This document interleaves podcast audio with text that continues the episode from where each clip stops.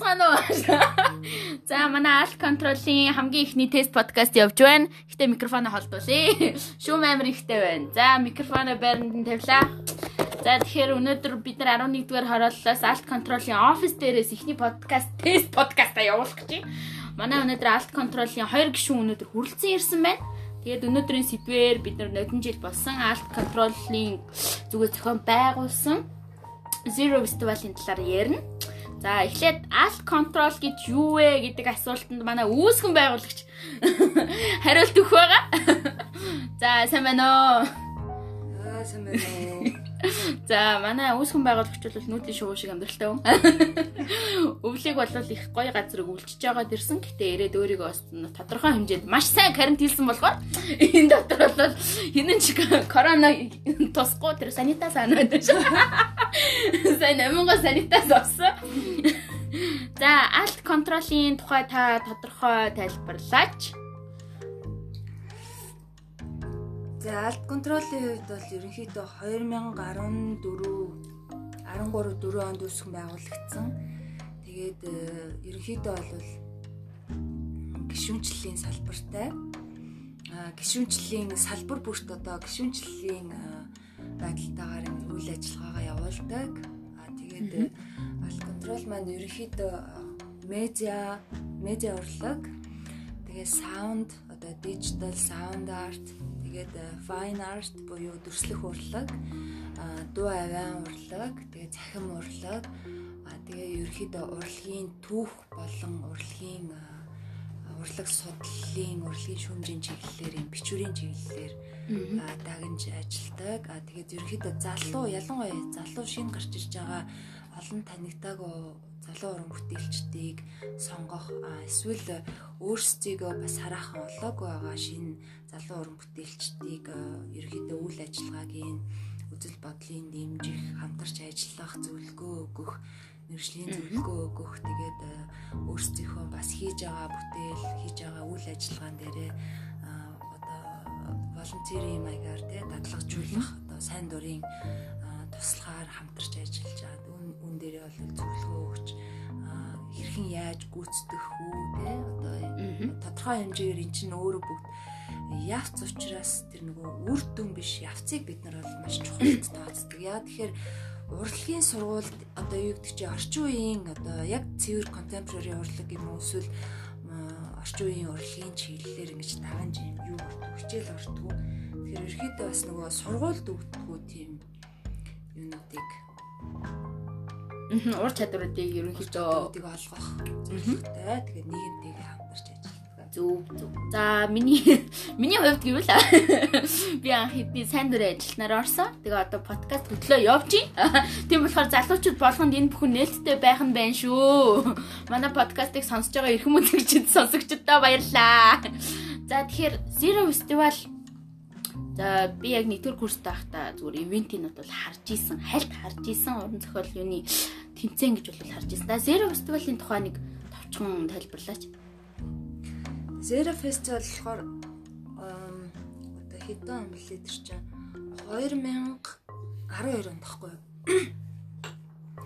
А 2009 онд би нөгөө сургуулийнхаа дипломын одоо магистрийн дипломын ажлыг графикийн чиглэлээр хийсэн. Тэгээд дипломынхаа ажлынхаа тэр графикийн төгсөлтийн дипломын ажил дээр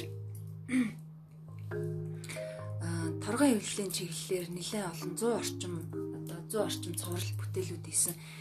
Тэгээд э, тухайн үед би нөгөө өөрийн гэсэн бас компьютер байхгүй. Өөрийн компьютергүй.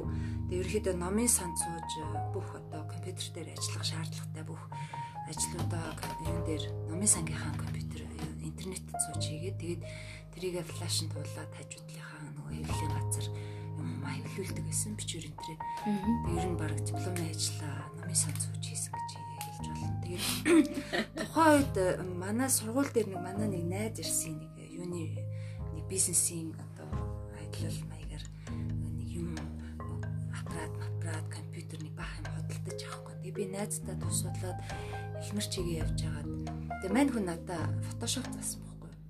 Тэгээд миний фотошоп дээр хамгийн анх хийж сурсан тэр нөгөө одоо тестийн хийсэн тэр зураг ануударын хүрэг байсан. Тошка ахын одоо гэрэл зурагчин алдартай Ташка ахын тэр зургийг ингэж жишээ олгож аваад тэгээд анаа дарын хөрөг дээр би нэлээ олон юм юуны фотошопын юм юу хийгээд одоо юу гэдэг сургалт маягийн тэгээд тэр хийсэн ажлуудаа ингээд бүгдөрөнгийн JPEG файл болгоод флашнд хадгалсан байсан. Тэгээд тухайн үед нөгөө нэг э, торгон хэвлэлээр бас анх удаа би тааж нөгөө юм хийжсэн болохоор ямар зураг юу хэвлэхээ сайн мэдэхгүй тэгээ ямар ч үсэн нэгэнтээ өөрийнхөө бас э, сурсан мэдсэн зүйлийг турших нь бас зүйтэй юм болов уу гэд. Тэгээ ануударын хөргийг хийвсэн чинь тэгээ торгон хэвлэлийн нэг онцлог нь нэг одоо сет одоо нэг э, юунаас торноос хамгийн дээдлэн 40% гардаг. Ерөөдөө 40-оос 20%ийг нь одоо дарц гэсэн үг шүү дээ. Хэвлийн дарцын эхний 20%ийг бол оригинал файлд тооцд юм лээ. A copy буюу оригинал файл файл гинэ юу слайд. А тэгээд үлдсэн сүүлийн харийн бол B copy буюу одоо second original гэж ангилт юм лээ. Тэгээд нэгэнтээ нөгөө ануударын хөргийг нэг би чинь нэг бараг 60 70-аад цуврал ийм юу хийгээд сервис хийгээд одоо цоврол бүтээлүүд хийгээд ингээд миний ерөөхдөө нөгөө одоо яг сургууль төгсгөд 2009 онд нэлээ олон юу торгон ивлэлийн бүтээлүүд бэлэн болцсон биз. Тэгээд тэрийгээ нөгөө Монголд ирчээд торгон ивлэлийнхаа бүтээлүүдийг яаж олон дэлгэхээс сайн мэдэхгүй тухайн үед чинь нөгөө 976 галерей нэгдэг байсан тий. Тэр чинь 2009 он гэсэн үг шүү дээ. Ерөөсөө үйл ажиллагаа явуулдаг цөөхөн галерей нэг нь манай орчууд ивлийн орооны орчуудын эвлэлийн галерей, нөгөөх нь Монголын орон зургийн галерей, нөгөөх нь зан азрын музей. Ерөнхийдөө ингэж дуусаа. Тэгээд э, нэг мөсөн одоо э, одоо өөрөө бас ингэ нөгөө дөрв биш дөрөв намын уушдаг ингээд ерөөхдөө нийгэм бас мэдээлэл хүмүүс айгу муу байд юм байна. Айгу маш их буруу ойлголттой байд юм байна. Тэгээд залуучуудад бас зөв ойлголт өгөх тэгээ бас энэ торгон хөвлөлийг тухайн үед бол 2009 онд бол торгон хөвлөл хийдэг э, маш зөвхөн 1 2 гурван л уран бүтээлч байдаг байсан яг тухайн үедээ. Тэгээ бас Монголдо бас нэлээд анхдагч юм орчин үеийн чиглэлээр таргай өвлийн бүтээлд эрхэнгээ бас нэг юм утга цохолд тодорхой хэмжээний бас нэг юм салаа чиглэлийг гаргах үднээс анх удаа бичвэрийн уралдаан дөрвөн төрлөөр өгүүлэг, эсэ өгүүлэг, тууз, роман гэсэн дөрвөн төрлөөр нийтдээ 5 жилийн хугацаатай юу бичвэрийн уралдаан зарласан. Тэгээд тэрийг би өөрөө яг бүх юм өөрөө гартаж хийж исэн. Постер өөрөө бүтээл дээр үндэслээд тэгээд ерөнхийдөө хамгийн анх 12 онд 2012 онд Facebook дээр нүүр ном дээр ивэнтэ зарлаа 5 жилийн хугацаатай. Тэгээд анх хүмүүс бас итгэхгүй байсан л да. Энэ юу н үний юм уу? Энэ бодлоо шахах шиг байна гэлтэй. 5 жил бичдэг юм гэж юу вэ? 5 жил. 5 жил чи ер нь баг юу юм уу? Тэгэл ер нь аюу олон их э, үг хэл амаар ингээл э, янз бүрийн хэлүүлэх, дайр ташлуулах тийм гарч исэн. Тэгээ би өөрөө бол тэрнээс шантраагүй. Яарч исэн э, хийгээд эцсийн үзийгээд тэгээд ямарчсан эхлүүлсэн. Тэгээд нэг жилээр хаашилсан. Ягаад тэгэхээр нөгөө юу маань зарлал маань ерөнхийдөө нэг 6 7 мянган хүнд хүрсэн байсан. Яг нүүр номын одоо зарлал 6 7 мянга. Тэгээд блог дээр блог дээр зарласан зарлал бас нэг 2 3 мянга орчим хүнд хүрсэн. Тэгээд нийтдээ ер нь одоо зүгээр яг статист яг цэвэр статистик тоогоор бол нэг 8 9 мянган хүнд хүрсэн. А тэрний цаана нэг нэгээр үржүүлэхэд бол ч нэг 10 хэдэн мянган хүнд бол бидний энэ фестивал, Zero фестивалийн зарлал хүрсэн билээ. Гэхдээ энэ бол нөгөө хүрх хүрсэн тоо маань нийтдээ 5 жилийн туршид үргэлжилсэн. Тэгээд э, бас нөгөө 2000 эн чинь 2018 онд дуусах байсан. Тэгээд 18 оны 12 сарын 31-нд юугаа авах гэсэн чинь э, бүтээлүүдээ нөгөө дедлайн болоо тий одоо эцсийн нөгөө нэг э, эцсийн хугацаа болоод хаах гэсэн чинь бүтээл жоохон цөөхөн тэг хүмүүс бас зарим нь ингээд э, нэг жилээр сонгож өгөөч энэ төргээ хүсэлт гаргасан. Тэгээд 2019 оны биш 2018 оны 12 сарын 31-нд эцсийн байдлаар бүтээлүүдээ хүлээж аваад нэгсэндээ 6 жил үргэлжлээд тэгээд 7 дахь жил рүүгээ яг 7 дахь жилийнхаа нүүрэн дээр бид нар нөгөө юугаа фестивал хийсэн байна. Ивент зохион байгуулсан. Яг өөрийнхөө төрс өдрөөр 19 оны 6 сарын 19-нд үйл ажиллагаагаа хийсэн. тэгэхээр тус фестивалд ер нь хэр олон оролцогч байсан бэ? Бас ямар төрлүүд байсан бэ? Тэрийг Тэгээ нийтдээ дөрвөн төрлөөсөн өгүүлэг, тууж, роман, эссе гэсэн дөрвөн төрөлтэй. Туужийн төрөлд бол нэг ганцхан бүтээл ирсэн. Аа тэгээд э, ерөнхийдөө нөгөө нэг одоо алт контролын нөгөө юун дээр байгаа л да. Юу гэдүүлээ. Нүр номын алт контролын нүр номын нөгөө нүүр номын тэр нөгөө Zero Festival гэсэн энэ альбом дотор фото альбом дотор бол үндсэн бүх мэдээлэлүүд байгаа. Тэгээд хэрвээ бас нөгөө э, юун дээр нүүр ном дээр Zero Festival гэд бичээд хайлтаар нөгөө нэг ивент дээр бол бүх холбогдох мэдээллийг байгаа учраас тэгээд туршаад явах тийм. За ингээд фестивалийн тухай бол бүр мэдээллийг сонсогчдоо хүргэчлээ. За тэгэхээр сайн дурын ажилтан авах тэр ерөнхий үүргийг хариуцсан нэг залууг бас энэ тухай яриач гэж хүсье. Юу гэхээр Zero Waste World бас Alt Control хамтран ажиллахад танд одоо яг юу юу суралцсан, яагаад бас хамтран ажиллах бусан талаараа ярьж өгөөч. Фестивалийн хөтлөгч. Ер нь хоёр фестивалийн хоёр хөтлөгч. Би ер нь дугаа. За тэгэхээр Мм ерөнхийдөө таны анхны ер нь хамтран ажилласан фестивалийн нэг үү? Яг одоо иймэрхүү төрлийн Тийм. Аноо дээр гэдэг нөхөр чи өөр аюу алтартай. А гэсээр нэ яагаад гэдэг нь тодорхойгүй. Аха. Тийм болохоор аюу сонирхолтой санагдчихсэн. Аа. Аа. Тэгэхээр танад одоо alt control ерөнхийдөө олон гишүүнтэй юм шиг байна. Юм шиг байна гэж ер нь манай манай л юу та. Гэтэ яг хуу сонсогчдоо ер нь хідэн сайн дурын ажилчин бас тэгээ дээрэс нь тэд нар ямар ямар мэрэгчлээ яагаад хамтрах болсон талаар нь ярьж өгөөч.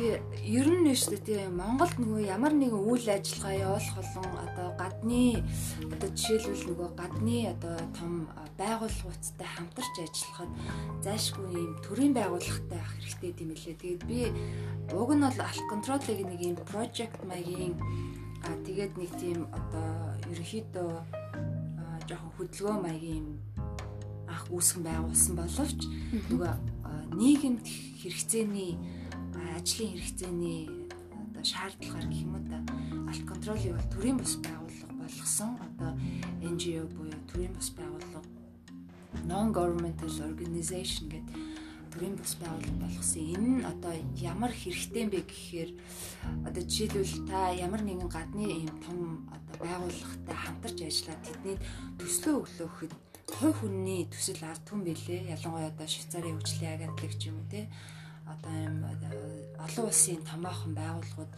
хувь хүний төсөл авдгүй заавал төрийн бос байгууллага байх хэрэгтэй. Эсвэл ямар нэгэн төрийн байгууллага байх хэрэгтэй. Тэгэхээр энэ өөрөө нөгөө ашгийн бус тэгээд төрийн бус байгууллага тэгээд төрийн байгууллага бол биш.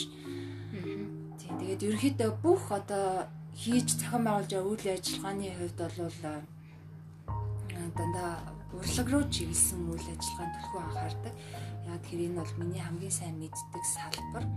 Тэгээ нөгөө талаасаа бол алт контрол өөрөө нөгөө гишүүнчлэл буюу membership гэдэг э, юугаараа бол одоо үйл ажиллагаа явуулт статусаараа илүү одоо түлхүү давуу одоо жишээлбэл ингээд бид нар ингээ Монголд нэг одоо томоохон хэмжээний уг нь бол Монгол томоохон хэмжээний фестивал хийлээ гэхэд тэр нөгөө фестивалыг зохион байгуулж байгаа байгууллага нь яг ийм нөгөө урлагийн салбарт олон жил одоо тууштай ажилласан.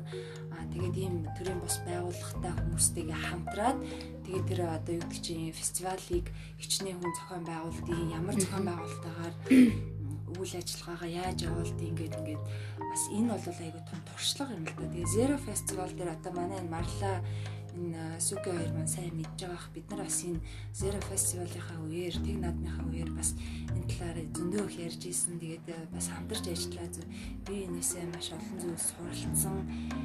Тийм тэгээд манай Сүхэ бол Сүки сан маань Японы Японд ямар хотод илээ за чи өөрөө нэг гоё танилцуулж За манай алт контролын подкастын жоохон танилцуулгын хэсэг өрнөх гэж байна. За тэгэхээр сүхэ төмөр сүх кураторыг бол солгоо урлагаар нь ихэнх сонсогчид мэдэх бах. Тийм. Тэгээд яагаад солгоо урлагийг эхлэх болсон тэр талаараа нэг сайхан яриач.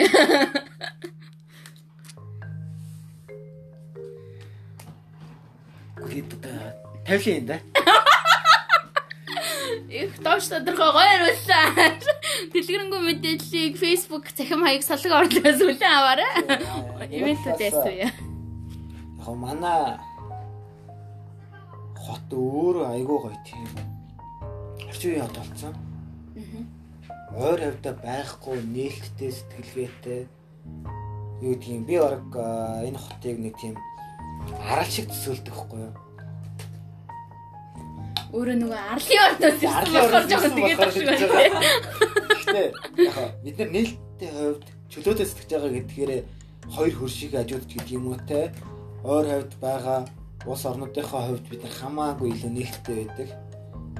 Тэр ч утгаараа гэж ярих юм уу те бид нар илүү энэ орчин үеийн урлаг руу контемпорари урлаг руу залуучуудыг илүү ойртоос өөрийгөө илэрхийлэхэд үүнийг юу гэдгийг түлхүүр болгож ашиглаасаа гэсэн үүднээс л хийдгийг хийдэг гэх юм уу те хэлсэн. Анаа дээр ч гэсэн яг үнэндээ юу гэдгийг тэр бүхний ихтэл болсон гэх юм уу залуучуудад яг нэг тийм зүйл ингээд одоо Movement санаачлагч. зочил болж өгсөн нөхөр байхгүй юу? Аа. Юу UBS телевизээр анхны рок хөгжмийн нэвтрүүлгийг хөтлөөл те. Соёл урлагийн элч гэдэг шиг нэ. Соёлын бас хааш чинь. Чиг гоё ингээд гоё чөлөөтэй байж чадсан юм баггүй өөрийнхөө. Аа. хичнээн цаг үе хүндээсэн ч гэсэн. Тэгээ цаг үе хичнээн хүндээснээс хамаагүй. чинь ингээд тухайн үед ингээд тэр дөрөв биш дөрөв номоо бичиж яхад нэг юм хэсгээс нь Улаанбаатар сайн маань хэсгээс нь тавьдаг гэсэн юм биш шалтдаг. Тэгээд тухайн үеийн тэр нөгөө урлаг судлаачаад ордон зохиол шимжлэг чинь бүү па юу бичсэн балиар малиар бүгстэй Монгол хэлийг ботаанд оромжилсан энэ төргээл бүр өө юм болж исэн юм лээ шүү. Тэгэд яг фестивалийн үеэр яг дөрөв биш дөрөв номыг дөрөв биш дөрөв номыг анх гаргасан анх редактор хийсэн мөнхөр ах мөнхөр хүн байгаа. Аа. Мань хүн ярьжсэн бохгүй юу? Яг юу болсон бэ тухай? Яагаад тэр номыг анх редакторлсан бэ? Гэдэг юм анх хэвлэх болсон тухайга. Тэг яг хуу залуучууд яг одоо үед нөгөө нэг анаа дээрийг уншигчд өөрөө өсчөөд байгаа хэдий болох ч тухайн үед нь бол амиа хорлсон гэдгээр нь хүмүүс айгүй хүлээж авдаг. Аа. Тэрийг ингээ гол point, гол өгөгдөл болгож ингэж юу гэдгийг Ойлгодог. тий ойлгодог. Э, Жохон буруу Тий шаадаг. буруу шаадаг байсан боловч яг үнд түүнээс илүүтэйгээр тэр нийгэмд хэрхэн стресстжсэн тий одоо юу гэдгийг тэр одоо шилжилтийн дараах нийгмээс ирж байгаа стрессүүд а өөрөө бол өөрөө тэр үед юу гэдгийг юунд бата орс төсцөн соёлын зөрчилдөөнөөс болж яаж том хямралд орж исэн тухайга айгүй тодорхой дурссан байдаг байхгүй юу Аа. тэр илүү түүнийг нь аа, илүү хувь хүн талаас нь харж бодож унших нь аа, Өрөөсгөл ойлголт болно. Ерөнхийдөө. Ер нь баг нийгэм баг тухайн үеийн 93 4 5 оны нийгэм баг тэрчгээр уншигддаг. тий айгүй стресстэй байсан нийгэмд тэр хүн өөрөө яаж тэгж амьдарч исэн бэ ч гэдэг юм уу те Тэр чинь нөгөө нэг ингээл Анас ранки тэмдэглэл шиг. үзэл тий яг анархист юм шиг боловч нөгөө талаас чи яг үнцэрхэг үзэлтэй байсан байхгүй мөсийн философи ингээд зурж исэн. Тэгээ дээр нь археологийн ангийн оюутнуудтай яг хөдөө гадаа явдаг бас түүхийн ном их уншдаг. Ер нь тэгээд сонгодог зохиолууд руу аягүй их эрт орцсон орс хэлээр уншдаг. Аа. Тэгээ мань хүний өөрийнх нь бас хүүхэд нас нь Ленинградд өнгөрсөн. Тэгэл нөгөө классик хотод байж байгаа л нөгөө Гинт. тийм соц үеийн классик хотод байж байгаа л орондоо ирэхэд мэдээж нөгөө хүүхэд насаа тийм классик сонгодог хотод өнгөрөөчөөд сонгодог урлаг, сонгодог хөгжим одоо тэгэл тухайн үеийн бүхэл одоо а, дэлхийд алдартай байсан хамтлагуудыг сонсч юмсаад яг нөгөө авч исэн мэдээлэл нь бидэртэй харьцуулахад Монголд байсан хүмүүстэй харьцуулахад аюу өргөө өрөө мэдээлэл авч ирсэн. Тэгээд хамгийн гол нь зүгээр миний бас нөгөө тэр анаа дарын бичвэрийн уралдааныг хийх болсон бас нэг шалтгаан юу гэхээр би бол Zero Festival болны тийм ижсэн маань хүн өөрөө тэг өрөө буюу нөгөө Zero гэдэг тийм 0 өрөө буюу нөгөө тийм пивний үйлдвэртэй тэгээд иргэдээ юм жижигхэн пабтай тэнд найзуудаа ингээд зөвлөл зугаад урлаг ярьдаг түүх ярьдаг юм гоё клубтай болохсон Zero гэдэг тийм клубтай болохоос гэж миний мөрөөдөл нэсэн юм. Тэгээс яг тэр өөрийнх нь мөрөөдөл дээр нь тулгуурлаад гэх юм уу бас гэр бүлийнхэнтэй хамтарч ажилласан албан ёсоор чи 2012 онд ивэнтэд нэгчээд 14 онд тахгүй гэрийнх нь хаягийг хайж аюу олон их сурвалжийг хайж явсаар байгаа тэгээ олсон. Тэгээд гэр бүлийнхэнтэй уулзаад тэгээд албан ёсоор зөвшөөрөл аваад тэгээд энэ үйл ажиллагаа эхлүүлсэн. Тэгээд энээс үүдээд бас аюу олон хүмүүстэй та нар ер нь албан ёсны үйл ажиллагаа явуулж байгаа юм уу юм уу тэргээл байх юмуд орж ирж лээсэн л та. За, ерөнхийдөө манай подкаст 21 дэх минутын дээр явчих. Гэхдээ бас нөгөө талаас аюу нөгөө нэг нийгэмд гэх юм уу залуучууд нь аюу хүлээлттэй байсан. Ямар ч нэг ном нь алга болж байгаа хэрэгтэй тийм. Энэ завшааныг ашиглаад манай фестивалаас нөгөө ном нь их хуулбар нь хулгайлагдсан байдгийг. Тэр ингээд нөгөө ануударын ээж нь би нэг гэрт нь очиод ингээд албан ёсоор нөгөө бичгээр амаар зөвшөөрөл аваад гэсэн чи ээж нь надаа дөрв биш дөрөв ном ингээд ганцхан хувь үлцээ манай гэрт байгаа ганцхан хувь нэ гэд тэр номыг надаа бэлгэлж ирсэн. Тэгээ аминдаа тэр номыг үзүүлэх гээд араам жадлаад тэр чинь үзмөрийн тэр чинь ингээд нэгсэндээ номын санд ингээд өрөөтэй одоо юу гэж ил тавьсан байл тэр чинь унших зорилттой. А гэтэл тэ бүхэлд нь шилтэй тийм араам жазны цаана ингээд ном номны нүрийг ингээд илгээд ингээд үзмөрийн бүтээл болгоцсон нэгсэнд урлагийн бүтээл урлагийн үзмөрийн одоо нэг хэсэг болгоод тавьсан байхад тэрийг бүр ингээд ороод тулгай тэр зунжангаал юм болоо. Тэр бас жоохон хөвчлөлтэй байсан. Тэгээ хамгийн гол нөгөө тулгай сүхт нь өөрөө намаа авчирсан байгаа. над руу мессеж чиж А дээр үтсэн л дээ. би уушх гээд авцсан юм гэж авдээ. Юу гэсэн үг энэ тэр чи одоо номын те гэр бүлийнх нь одоо тэр гэрлээ их их чинь ингээд номыг ингээд хоёр дахь хэвлэлийн ингээд хилүүлээд өшөө бүр дээрэс нь хуучин номын номтой нь харьцуулахад тэр чинь зураг хөргөөр байжуулаад яг гоо шинжилсэн хувилбараар ингээд хөвлүүлээд ингээд фестивал дээр албан ёсоор ингээд зааж борлуулад ингээд За хоёр дахь хэвлэлийнх нь яг аль биесний нээлт болсон давхар фестивалтай. фестивалтай хамт номных нь нээлт болсон гэр бүлийнх нь хүмүүс бүгдээрээ ирсэн. Тэгээд бас дурсаж ярьцгаасан Ануудаар гэсэн пив гаргасан. тий Яри фестивалийн пив гаргасан пив яваад хөрөгчин дотор кино үзүүлсэн Тэр тэр тэр кино бүр сонирхолтой нь юу гэхээр мань киноны зураг авалтыг хийжсэн нөхрөө одоо өөрөө төв судлаач болсон байдаг. Нэг сонирхолтой баримтыг хэлээхэд манай офс дээр яг одоо анууданы санал байна. Тий. Сандлан дээр байгаа юмнуудыг яриад явах үү тий. Тэгээд манай санал үлгөөтэй байгаа. За тэгэхээр өөр фестивал зохион байгуулахад юу н хамгийн хүндрэлтэй зүйлс яг юу байсан бэ та нарын хувьд? Хөтлөлөөс юм уу та? Тий. юу яасан чинь тоор нөгөө тайзан дээр ингээд нөгөө хөтлөөж юм ярьсан би тэр нөгөө нэг юуны өрөө үүслийн өрөөнөөс ингээл даллаа гэдэг марлаараа мессеж ийсэн мессеж уншдгоо тэнгүүт нь тэр нөгөө үүслийн өрөөний тэр цавхаар ингээл нааша харах нь одоо ингэж Хитэ манай фестивал болов. Тэгээс энэ дашранд энэ дашрандаас нөгөө манай Zero фестивалыг бас албан ёсоор дэмжиж те биднийг үйл ажиллагаагаа зохион байгуулахад гүн тусалцаа үзүүлсэн Улаанбаатар чуулгын Улаанбаатар чуулгын хамт олон Улаанбаатар чуулгын захирал мөксайхан ахта бас маш их баярлсан талархснаа илэрхийлье. Тэгээ Монголын контемпорари урлагийн холбоо хөх нарынхандаа бас баярлалаа гэж хэлье. Тэгээ салгаа урлагийнхандаа их баярлалаа. Тэгээ манай уралдаанд Zero Festival төрүүлсэн хүмүүс бүгдээр юунуудаа авсан баг. А, Фестивалын шагналуудыг авсан. Хүн болгонд уралдааны одоо төрөл бүрттэй одоо эсэ лээ?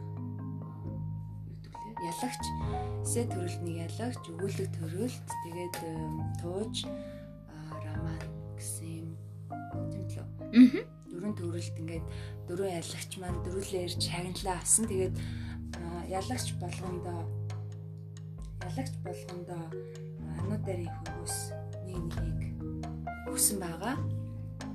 Тийм тэгээ өөрсдөнд нь хадгалуулахаар оригинал бүтээл төр бол дахиж хийлэгдэхгүй. Тэгээ одоо харамсалтай нь энэ одоо энэ завшааныг ашиглаад гэх юм уу? Завшаанаар гэрлээ гэрлээ ихчээсээ хүлцэл хүчий саналыг нь буцааж өгч амжаагүй байгаа. Тэгээ бас нөгөө бүтээлүүдээс нь дүнгээд амжаагүй уулзаж амжаагүй байгаа. Тэгээ фестивал дуусаад тэр чинь 7 сар дуусна тий. 7 сар дуусаад фестивал дуусаад яг дуусных Плей таймын өмнө бас Тийм плей таймын өмнө. Тэгээд би ч плей таймд яваагүй л дээ.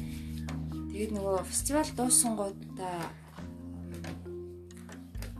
Улаанбаатар паблик арт болоо. Тэгээ би паблик артаар нөгөө даллын кураторуудтай хамтарч ажиллах болоод олон улсын бас нөгөө хилцүүлэг уулзалт хуурлалаад тэгээд тэр фестивалийн энэ паблик арт фестивалийн олон нийтийн урлагийн 7 хоног шүү дээ. Паблик арт week олон нийтийн урлагийн 7 хоног болоо. Тэгээд тэн дээр нэг сар гараа ажиллаад тэгээд үндсэндээ миний нөгөө гадагшаа үзэсгэлэнд явах хугацаа маань болоод тэгээд яваад тэгэл нэг сард ирээл ирүүгүй юу ковид гараад болохоор ингээл тэгэл өнөөдөр л гарч ирж байгаа шүү. Гэтэ бас э, яг э, юу гэдэг э, маш олон сайн талууд байгаа.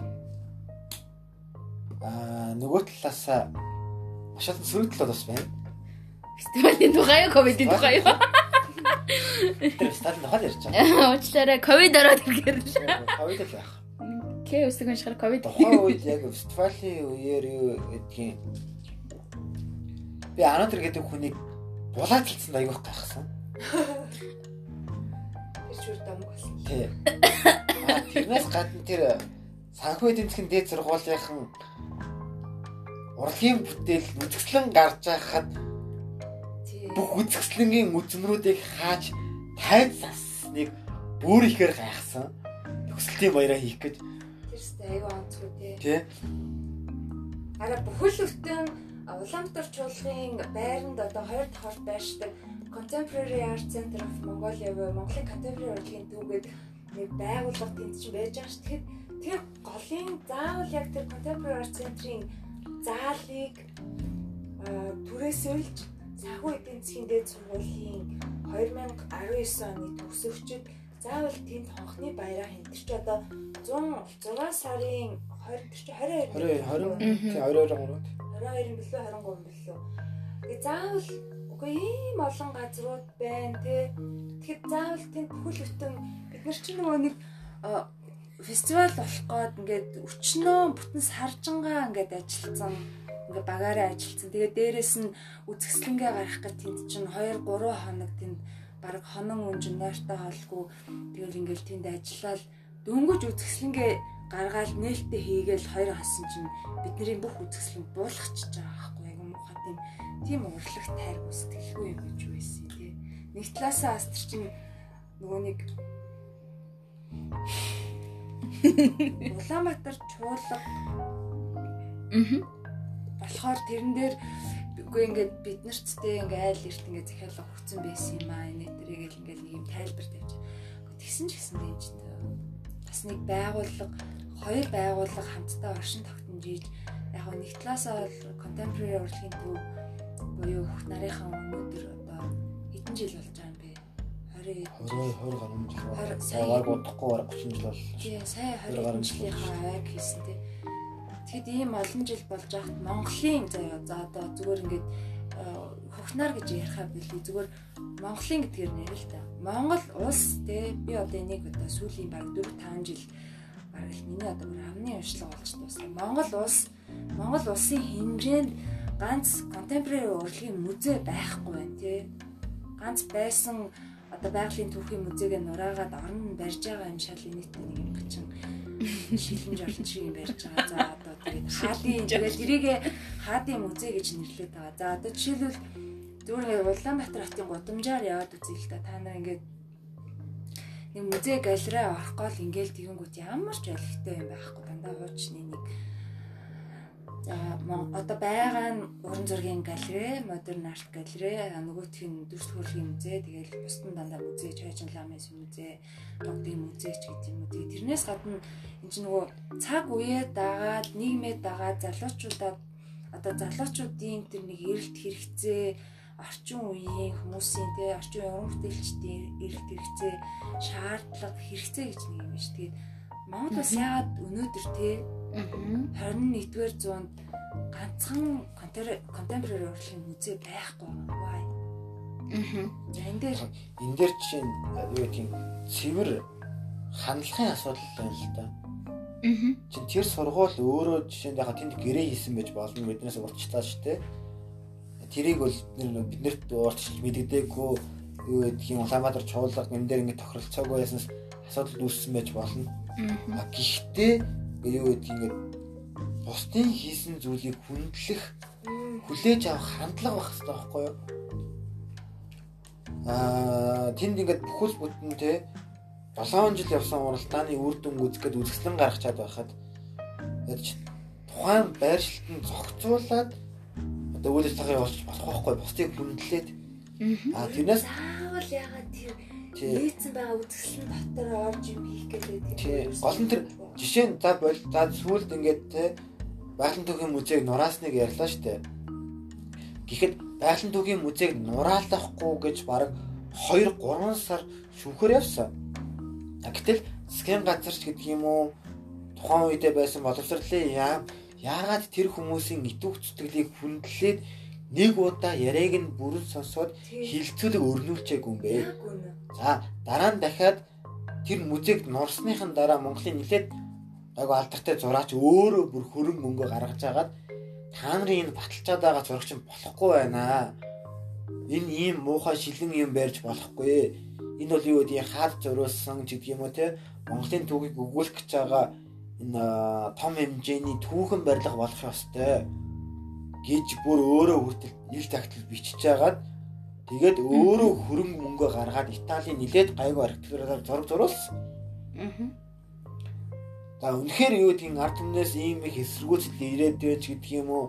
А энэ хүн ингээд хөрөнгө мөнгөө гаргаад өөрийнхөө хувийн хөрөнгийг гаргаад ийм зураг төсөл боловсруулад маш том мэрэгчлэлтээр зураг төсөл боловсруулад архитектурын шийдэл гаргаж ирээд яам ерөнхийдөө хамгийн газар өгч яхад ядаж тэрийг юу гэдгийг тэнэгүүр шийдэж болтгүй маа гэхэд авч хилэлцэж байгаа болоогүй юм бэ. Гэхдээ ерөөсөө Энэ бол мэрэгжлийн байгууллагатай ерөөсөө асуудал байхгүй юу? Тийм. Мэргэжлийн байгуул ядаж за эн чинь баг ингээд засгийн газрын шийдвэрээр эн чинь ингээд батлагдж байгаа шүү дээ. Тэнгүүд одоо юу гэдэг чинь за ингээд мэрэгчлийнх нь одоо салбарын хүмүүс энийг одоо яаж үзэж гин, яаж дүгнж гин, яаж хүлээн зөвшөөрж гин, одоо юу хэлмээрэн санаа оноо энэ дэр чинь айгүй том юм баг юм арт нийтийн олон нийтийн юм хилцүүлэг өрнөлгсөн байхгүй нийлтдээ. Тэгээ тендер ч гэсэн айгүй тийм хаалттай болсон шүү дээ. Хараа 2017 онд тахгүй юу? 2017 онд тэр чинь нөгөө анх битүүмжлээд яг битүүмжилж эхлэхээр нь чинь 16 оноос эхлээд битүүмжлэх гэж нөгөө ашиглалтын хугацаа дууссан ус инээдрэгээл шуум яваал лээсэн. Тэгээд яг 16 оны төсгөл 17 оны ихээр нэг юм хашаа тариулаа хашаа бариад гисэн баггүй. Доторх юуг нь нүүлгээд одоо тэр хэн болвол оюун гэрэл сайд байхдаа бол тэрийг Маргааш шийдвэр гаргасан. тий бүх шийдвэрийг гаргасан шүү дээ ер нь бол. Тэгэхэд тэрийг хамгийн гол нь те байгалийн түүхийн музей одоо тендер зарлаад одоо юу гэдэг чинь олон нийтийн нээлттэй санал асуулга яагаад энэ ч айгүй нээлттэйгээр ялангуяа мэржлийн салбарын хүмүүс энэ хилцүүлэгт нь оролцоод өөрсдийнхөө үзэл бодлыг санаа оноог хилцэж явах хэрэгтэй байхгүй. Тэгээ тэрийг дундаасаа одоо юу гэдэг чинь архитектурынхын тэр шийдэл нь ийм одоо олон хувилбараар тэндээс чинь одоо аль одоо тий санаа оноо төвшүүлж байгаа тэр хүмүүсийн нь аль нь одоо олон нийтэд таалагдж гин аль нь мэрэгжлийн байгууллагаар яг батлагдаж тэр төсөл нь одоо баталгаажих өдрийг нээлттэй хэлцэх хэрэгтэй байсан. Гэхдээ яг бас ийм л дээ. Миний энэ бол яг миний цэвэр харсан үнцэг шүү. Гиндэж би гондоч би гэж энд айл ал талд буруутай. Мэргэжлийн байгууллагууд нь өөрсдөө мэргэжлийн хэмжээнд ажиллаж дуурч чадахгүй юм. Жишээ нь хэрвээ анзаарах юм бол тэгээ оюнгөр сайдын үед нураах шийдвэр гаргаад одоо байгаа баталсан зургийг чи анх оюнгөр сайдын үед байна уу түүний дараа байгалийн түүхийн музейн шин зураг дээр баталсан зураг багхгүй юу? Тэгээ одоо тэр их нүүдлгээ зураг тавьчаад байгаа зургийн оронд динозаврын зураг байдаг байсан. Тэгээ тэр зураг огт өөрчлөгдөхгүйгээр динозаврынх нь оронд их нүүдэл гэдэг зураг тавиад байгалийн түүхийн музей гэсэн босоо бичгнийх нь оронд Чингис хааны музей гэсэн босоо бичиг тавиад ороод ирж байгаа байхгүй юу? Гэхдээ тэгтээ энд чинь бас нэг сони байгаа зү. Одоо жишээлбэл бид нар одоо сайн ч муу ч урлагийн салбар дотроо таван дотрын буцлаад нэг 20 30 жилийн нүүр үтцсэн тэрнээс цаашаа 40 50 60 70 жилийн нүүр үтцсэн зөндөө олон уран бүтээлчтэй шүү дээ. Яг нь мэрэгжлийн байгууллагч байна. Тэгээ яагаад вэ штэ те тодорхой хэмжээгээр өнөөдөр бид нар ингээд нийслэл хотоо харъя л та. Ер нь ерөөхдөө. Одоо ганц Улаанбаатар хот биш те нийслэл биш. Ер нь ингээд хөдөө орон нутгууд ч гэсэн ер нь ингээд соёлын үүдээ өөдөн татах ашиглах тэр нэг юм өв соёл гэдэг ямиг хадгалж хамгаалах тэгээ тэрийг айл болох одоо юу гэдэг чинь хуучны одоо одоо барилга байгууламжууд яг уу ашиглалтын хувьд ашиглалтаас гарчлаа гэж авч үзэхэд нөгөө талаас тэрий чинь бас нөгөө ашиглалтанд оруулж болохоор хэмжээнд засварладаг тэрий чинь сэргээн засварладаг юм бүхэл бүтэн түүхийн өчнөө одоо бүр юм юунууд байж туршлагууд. Одоо Европын холбооны улс энтер гээл тэгэхэд чинь тэр чинь ингээд өчнөө 2 3 мянган жил болсон барилга байгууламжууд байж байна айл 10 11 12 13 дугаар зууны үеийн барилга байгууламжууд нь зүг зүг байж л гаднаас харахад яг хөө сампирцэн норж унах гэж байгаа. Тэгээ тэр юм чинь ингээд тий дотроос нь тэр фасадын үлдээгээд дотор нь ингээд э, одоо тэр даацын хаан манд шинжилгээ хийгээд дээврийн солиод одоо юу гэдэг чинь ингээд эн чинь өөрөө эн чинь яг тэр мэрэгжлийн салбарын ажил юу. Одоо жишээлбэл за одоо төрөлхөрлөгөө болъё л доо зөвхөн архитектурын салбар гэхэд архитектурынхан тий албан ёсоор архитектурын холбоо Монголын архитектурын холбоо тийм хурал хийгээд аль байшин болох уу алийг болохгүй энийг буулгах нь зөв үү үгүй юу гэдгийг мэрэгжлийнхэн босоод одоо төрслөх хурлаг одоо юу юу ч гэдэг бүх мэрэгжлийн салбарынхаа хүмүүстэйгээ хамтарч хилцээд хуралдаад өмнө нь ингээд бөөндөө хилцэж энийг шийддэг баймаар юм. Тэгэхгүй ингээд одоо жишээлбэл одоо би жишээлбэл нэг одоо дүрслэхүүрлийн салбарын нэг хүн байлаа гэхэд гівгийн засгийн газар орж ирэнгүүтээ одоо Монгол улсын засгийн газрын тэргүүнийг тэргээр тавина. Одоо энэ та нар энийг инг та нар одоо энэ жил э, тэр улсад очиж хилцээр гэж бид нар ингээд төрийн дотоод асуудалд оролцдоггүй үстэй. Тэрнтэй адилхан төр хитрхи ингэж э, салбаруудын дотоод асуудал руу оролцож танил тал гэдэг юм тэнийг юм болмоор байгаа байхгүй би энэ ерөнхий сайд хөрс хүрт айгүй удаа анхааруулж байгаа шүү. Яагаад тэгэхээр энэ бүх одоо энэ бүх болж байгаа процесс Монголын төрслөх урлагийн салбар өөрөө нэг олигтой орчин үеийн урлагийн музейг бэжиж байгаа цөөхөн хідэн музейгээ нураагаад шинчлээд яс их мөнгөтэй тэр мөнгөө тэгвэл төрслөх урлагийн боловсролын дотоод салбарын шинжилэлд зориулал салбарынх нь өөрсдөө асуудлаа шийддэг байвал ядаж дараа нь хожим нь харамсах хэрүүлэх хавцалдах урцалдах зүйл нь баг үстэй ядаж. Яа мэдээж нэг талаасаа тийм хитрхи дотоод асуудалд оролцоод байгаа. Мэргэжлийн байгууллагын үгийг сонсохгүй гэж бодож байна. Ерөөсө хамтарч ажиллахгүй. Нөгөө талаасаа бэлэн жишээ аюу олон л байна л. Өнгөрсөн намар Москвад явж байгаад яг оногоо сонсвоо. Москвад түүхэндээ таван давхар орон сууцны барилга зөөсөн байт юм байна. Орон сууцны барилга зөөсөн байгаа байхгүй огт нураахгүйгээр. Тэгээ яа Хитнийхөө биш. 5 давхар биш. Өө зэ. 5 давхар орон сууцны байш. Тэгээд э, тэрийг э, шинэ метроны ингээд буудал нэмэгдээд метроны буу- буудлыг арилсан чинь ингээд метроны гарах хаалга ингээд подизм толоод ирсэн орон сууцны барилгын. Тэгээ хүн ихтэй яг оргил ачааллын цагаар төвчрээ үүснэ. Гэт. Тэгээ тэр барилгын нураа гэсэн чинь болохгүй гэд. Ягаад? Пушкины нууц амаг амьдарч байсан байна. Аа. Соёлын ам нураахгүй гэд. Нийт л амьдрал юм да. Тэр тэр нөгөө хэтрүүлэг шүү. Пушкинтэй хамааралтай барилга. Тэр нөгөө Пушкин амьдарч байгаагүй. Яагаад хамааралтайг нөгөө нэг э, олон нийтэд зарлаагүй. Пушкинтэй хамааралтай барилга учраас энэ барилгыг нураахгүй гэж зөөсөн байгаа байхгүй юу? Таван дахь барилга зөөж байгаа. Тэгээд нөгөө нэг э, олон нийтийн донд тийм онгоо гарцсан. Пушкины ноц амргийн байр гэдэг. Угаасаа Пушкин чи өөрөө явдалтайгаар зартай байсан. Яах нь чинь сая болно. 3 хоногийн өмнө Бээжинд барилга зөөж байгаа байхгүй юу? Хоёр давхар 100 гаруй жилийн настай сүмийн барилгыг 7 хоног зөөж байгаа юм. Мгм. 300 гаруй метр газар зөөх гэж. Зүг байш юу нүггүй. Тэг байшин нэг тэр чигээр нүргөөд ингээд зөөж байгаа. Тэгэхээр аа, энэ бол зүгээр нөгөө нэг ингээд харагдах байдал хэдий боловч төрийн бодлоготой архитектурын шийдэл гэдэг юм уу те түүх соёлын дурсгалыг хүндэлдэг мэрэгжлийн байгууллагын үгийг сонсдог аа бодлогоо боловсруулсан засгийн газрын хийх ажил байхгүй юу? Мгм. Пушкин хятадд аа, биш Москвад хичээн чухал хүн билээ гэдэг юм уу те. Оросын хотууд ч дахиад дотроо ингээд те аа хин мундаг зохиолчтой гэдгээр өрсөлддөг шүү дээ. Тэрнтэй адилхан хятад хүртэл одоо тэгж байна. А, Гэтэл манад үнэхээр тэрийг нураах шаардлага байсан үгүй юу гэдэг юм уу? Маш их тийм эсэргүүцэл гарч ирээд байхад яагаад нураач юм? Тэгээ шүү дээ. Тэгээ дээрэс нь хамгийн гол нөгөө нэг одоо бидний мэрэгчлэнүүдийн үг нь хүрхгүй байх гэдэг шүү дээ. Мэрэгчлэнүүдийн үг э, нэгснээр төрд хүрхгүй байна. Нөгөө талаасаа төр өөрөө бас ингээд э, мэрэгчлэнүүдтэйгээ хамтарч ажиллах байна. Тэгээ мэрэгчлэн гэхээр одоо гэдэг чинь тухайн байгууллагыг удирдах байгаа хүн гэвэл үгүй байхгүй юу? Тэр салбар дотор ажиллаж байгаа бүх хүмүүс л мэрэгчлэнүүд шүү дээ.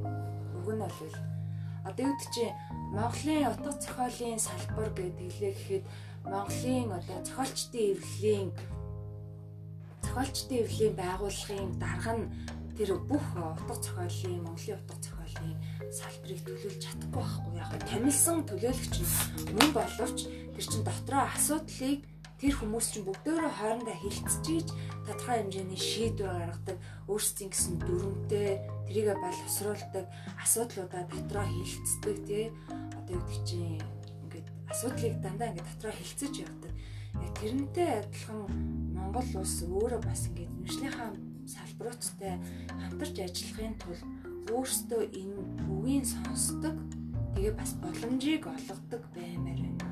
Одоо жишээлбэл Монголд ингээд э, жишээлбэл ингээд төрийн бос зөндөө олон байгууллагууд байгаа. Миний мэдхий одоо юу чинь 90-ад оноос хойш тий одоо анхдагч ууган хэм бол одоо хөхнар төв байна. Тэгээ тэрнээс гадна хөхнар төвөөс гадна эн чинь ганцхан хөхнар Монгол улсад оршин тогтноод байгаа биш. Зөндөө олон хөтөлбөөнүүд байгаа шүү. Монголын орчин үеийн урлагийн төлөөлөл болсон хэсэг болохоор зөндөө олон. Одоо яг тэр нөгөө утга зохиолын салбарт одоо нөгөө нэг зөндөө олон ийм хөдөлгөөнүүд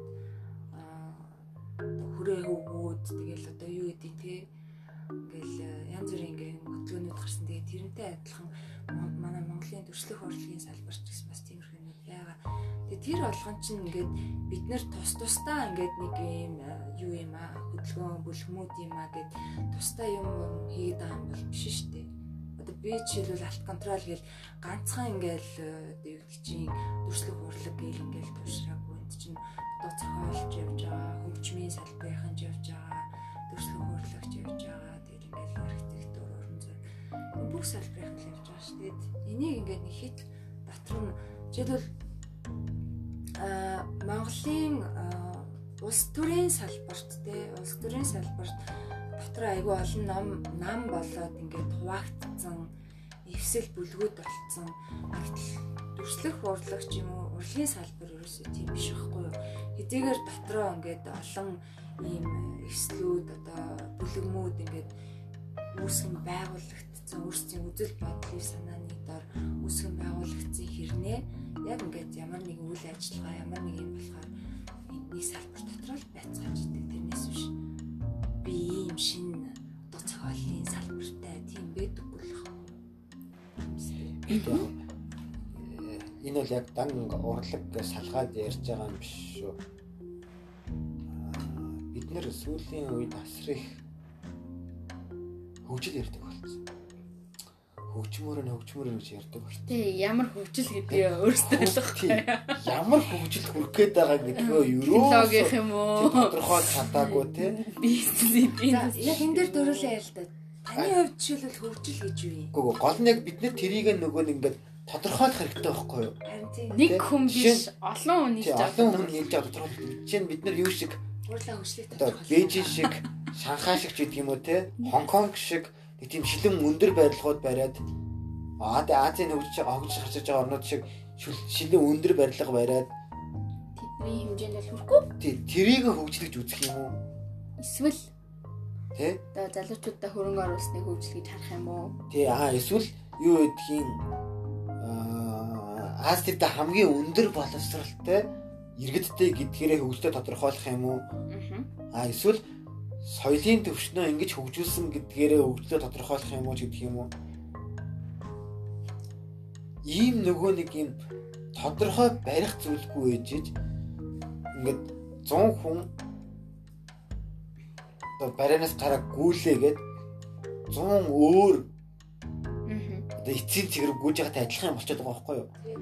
Аа. Адилхан уралдаж байгаа хэрнээ өөр өөр ингэсэн тэргүүн барьтай болчиход байгаа. шуудад хийсэн А гэтэл юу гэдэг юм Монголын төрслөг урлаг гэдэг юм уу Монголын урлагийн салбар, соёл урлагийн салбар аа одоо энэ кино урлаг гэдэг юм уу эдгээр маань өөрсдөө нийлээд яг за яг ч ирэмбэлж хэрэгтэй байхгүй юу? Бодлогоо тодорхой болгох хэрэгтэй байхгүй юу? Гэтэ ер нь дан ганц хөгжил гэдэг сэдвээр одоо нэг нэг асуудал байгаад байна л да. Яг хөгжил гэдэг сэдвч биш. Яг үндэ ингээд нэгдэж юм хийж чадгүй нь юу вэ юу вэ юу баггүй юу? Хуу хамтлагийн дуг та нар мэднэ сте те. Одоо манай alt control-ийн жишээ нь яг үнэндээ надад юу? хүү дээр нэг жишээ хэлье за.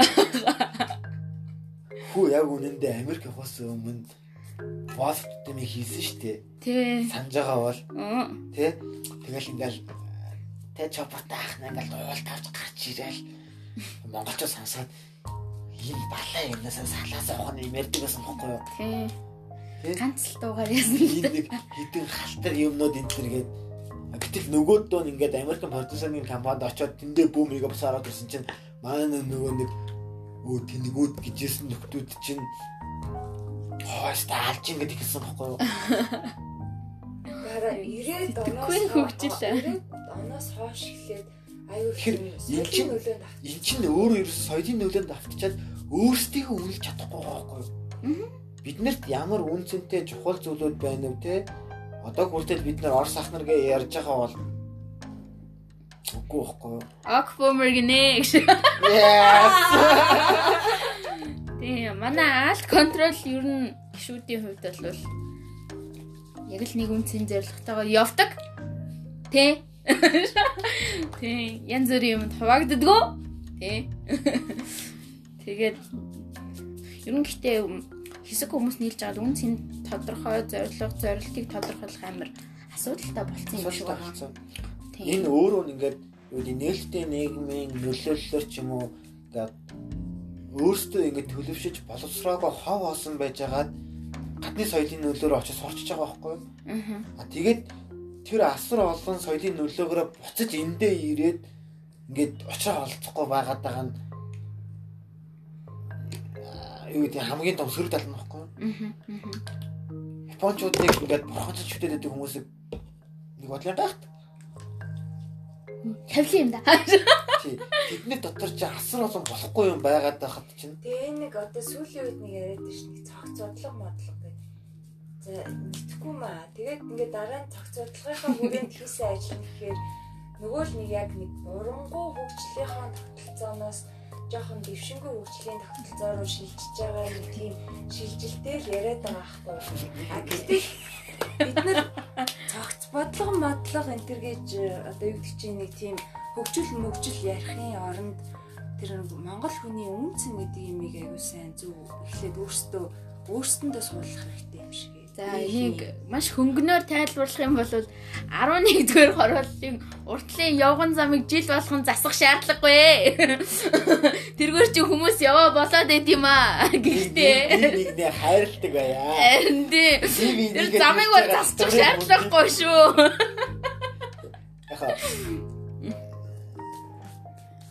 Мэдээж цогц бодлого ч гэдэг юм уу те. Тэр хар орд зураа сайн болчихдог зам тавиал тэгэл э, юу гэдэг чинь өндөр байшин барьж сурал зам тавьдаг болт юм байлээ. зам зам тавиал тэгэл өндөр байшин барьчвал тэр өсөлттэй хөгжлөө гэж Ойлгож болохгүй юм. байхгүй юу? Гялгар сэтгэлгээнээсээ хагцмаар Э, Мэдээж юу гэдэг тэр боловсролыг бол үнэлнэ. Гэхдээ тийм төлөвшөл байхгүй байхгүй юу? Энэ нэг нөгөө түрүүн юу ярьсан штэ байгалийн энэ түүхэн музей одоо за мур- нурсны дараа дараа нь те драмын театрын музей, дөр бүжгийн эрдмийн театрыг нураа гэсэн шүүн болвол ерөнхийдөө тодорхой хэмжээнд гарсан штэ. Тэгээ яг тэр үед бол нэг хүний эрхийн байгууллагт бол сайн дур ажил хийгээ явж исэн чинь тийм хилцүүлэг байна л та яг тэр хүний эрхийн байгууллага болохоор одоо ингээд тийм орон байртай байх эрх мэрх тийм компанид ажилтай ерөнхийдөө Тэгэл тэр хилцүүлэх дээр за яах вэ? Натаа нилээ нэг тавхан залуу байсан заяа. Яг миний үеийн нөгөө нэг за generation Z бол биш шүү. Гэхдээ ихтэй миний үе одоо нэг 20 морь гарцсан те тийм хүмүүс. Тэгээ босон дандаа болохоор одоо нөгөө нэг ок бөмрөд за уучлаарай. Гэхдээ гэхдээ бол тийм байсан. Тэгээ ингээ багт хувааж яана л та. Багт хуваагаад за одоо ингээ дөр бүжгийн эрдмийн театр, драмын театрыг одоо хэрхэн одоо авч үлдэх вэ? Аа тэгсэн чинь ингээл тэр хөгчүүл ярьж байгаа байхгүй те тэр дарахтаа ярьж үзгүү ийшээ өргөдгөө үзгүү те тийм юм ярьж байгаа. Гэсэн чинь манай залуучууд ингээ ярьж байгаа ер нь энэ хүмүүс одоо нэг тийм асуудалд бол анхаарах нь анхаардаг. А гэхдээ ерөөсөө ингээ нэг тийм тойруу замаар очиж хардаг. Тэр драмын театр нурсан ч дөр бүжгийн эрдмийн театрт нур нур- нурхал багтаа байгалийн түүхэн шиг хизээ нэгэн цагт нурах байх. А гэхдээ тэр үед залуучууд юу ярьдаг болох вэ гэдэг амар чухал ахгүй юу. Семинар яг залуу хүмүүсийн үн цэнийг юунд байгааг тэд нар ойлгохгүй тэгсэн мөртлөө шууд л за энэний төлөө жагс гэж юм уу залуу залуучууд очиод жагсчдаг ч юм уу те. Яг дээр жагсаад яг чи юу өөрчлөх юм бэ те. Худлаа оноо нэг дүүргээс жагсаалын бичиг авчаад юу ч шийдэл төрөхгүй монголчууд юу нэг хизээч шийдэл төрж байгаагүй. Жагсаал. За яг хөө тэр арчлал гарах үед үнэхээр жагсаал өөрчлөлт авчирсан байх. А бусад үед бол тэр үндэсний фронт ч юм уу янз бүрийн газар жагсаад үнэхээр хэрэг байгаагүй. Тийм залуучууд жагсдгөө би яг хэлчихье. Бид нар хэрэггүй юм жагсдгөө шүү. Баярлалаа. Тийм бүүмрүүдээ сонсч байгаа бол тээ та нар нэг дарга барахт өргөдөл бичиг бариад жагсаад авах бол шаардлагагүй. Өөрт байгаа үн цэнэ. Гэтэ залуучуудад үнсэрхэг үзэл гэдэг амар хэцүү болсон. Одоо чинь одоо яг Яг юу л байл та Үндэсний үзэл чи өөрөө үнсэрхэг үндэсний үзэл өөр. Үнцэрхэг үзэл үндэсний үзэл хоёр ч нөгөө гэхдээ ер нь тэр үнцэрхэгч бай үндэсний үзэлч бай тий. Тэр суур нь ерөөсө буруу суудсан байгаа байхгүй жишээ нь айгүй тод жишээ нь одоо үндэсний одоо тэр үндэсний үзэл гаргаад байгаа хүмүүсийн тэр ерөнхий байр байдал илэрхийлэл нь а үнцэрхэг үзэл гаргаад тэр бүтээл тойрол хийгээд байгаа хүмүүсийн мэдгүй надад л нэг худлаа юм шиг нэг хоёр бэлэн жишээ хэлээ заяа. Би бүр ингээд супер үнсэрхийг нэг их чиг таньдаг заяа. За. Баян нэг чиг ингээд баг ингээд юу гэдгийг Монголтой хамааралтай би бүх юмыг хайрлна гэж ярьдаг заяа. А гисэн ирнэ ингээд Монгол урлаг адих юм байхгүй шүү дээ. Биднэрт урлаг гэдэг ойлголтыг осод авчирч өгсөн шүү гэж Гэж ярьдаг. Гэхдээ үнсэрхэг гэж. дээ. Гэхдээ Тэгэж ярьж байгаа юм үнцэрхэг байна тий. тий тэгж ярьж байгаа хүн үнсэрхэг байгаа байхгүй юу? Хүний ингээд Тайлхи.